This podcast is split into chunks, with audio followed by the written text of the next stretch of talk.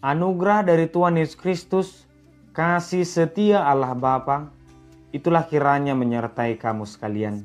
Amin. Firman Tuhan di pagi hari ini tertulis di 1 Korintus pasal 10 ayat 23. Segala sesuatu diperbolehkan. Benar, tetapi bukan segala sesuatu berguna. Segala sesuatu diperbolehkan. Benar, tetapi bukan segala sesuatu membangun. Demikian firman Tuhan. Selamat pagi dan salam sejahtera untuk kita semua. Bapak Ibu saudara terkasih, di zaman perkembangan teknologi saat ini, hanya dengan menggunakan handphone kita saja, kita bisa melihat banyak hal, menambah wawasan, menambah kenalan, persahabatan, ataupun pengetahuan tentang banyak hal. Tetapi di dalam perkembangan teknologi itu juga banyak hal yang justru bisa merusak seseorang. Tidak ada yang salah dengan perkembangan teknologi. Namun, kita harus pintar untuk memilih apa yang baik untuk kita.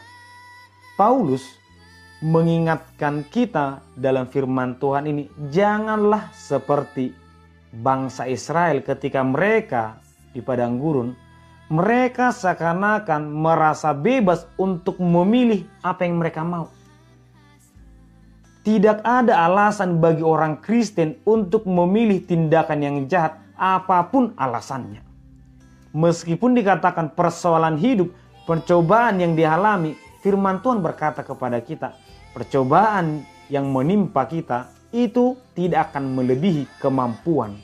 Karena memang Tuhan juga akan menuntun memberikan jalan keluar bagi orang yang berpengharapan. Dengan kata lain, tidak ada alasan bagi kita untuk memilih sesuatu yang tidak benar.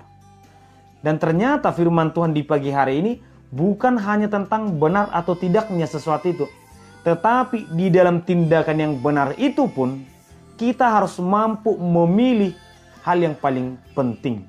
Firman Tuhan berkata, sesuatu itu benar tetapi belum tentu berguna dan belum tentu membangun. Kita hidup pada saat ini sebagai orang yang bebas. Dalam hal iman juga kekristenan, kita sudah ditebus oleh Yesus. Kita adalah orang yang bebas.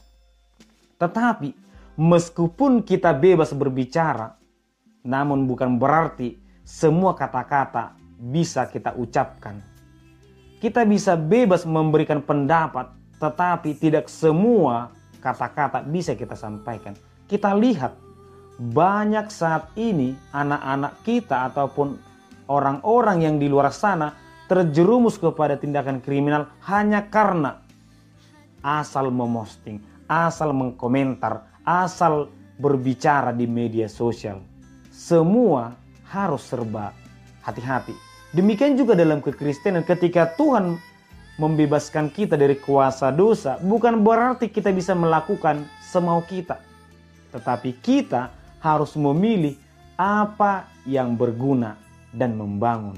Pertama, kenapa dikatakan berguna? Memang betul, aku bisa pintar, aku bisa kaya, aku bisa sukses, tetapi janganlah semua yang kulakukan itu hanya berguna untukku saja, tetapi berguna untuk semua orang.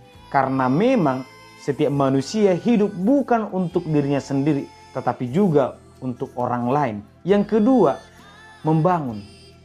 Betul, apa yang saya lakukan itu jangan hanya berguna, tetapi membangun sesuatu yang berkenan kepada Tuhan.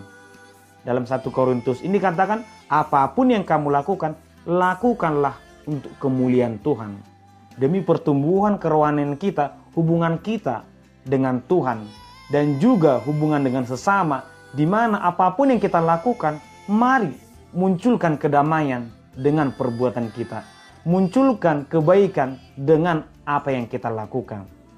Firman Tuhan di pagi hari ini mengajak kita, mari hidup, tetapi jangan asal hidup.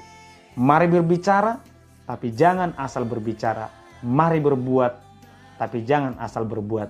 Tetapi hiduplah sesuai dengan kebenaran firman Tuhan agar hidup kita membangun dan berguna.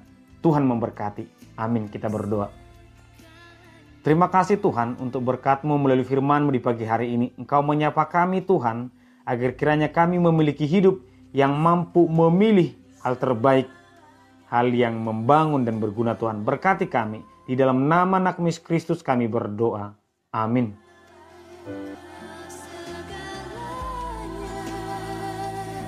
Tetaplah terus mendengarkan firman-Nya, kiranya Tuhan akan menolong kita dalam setiap aktivitas kita. Sampai jumpa esok hari.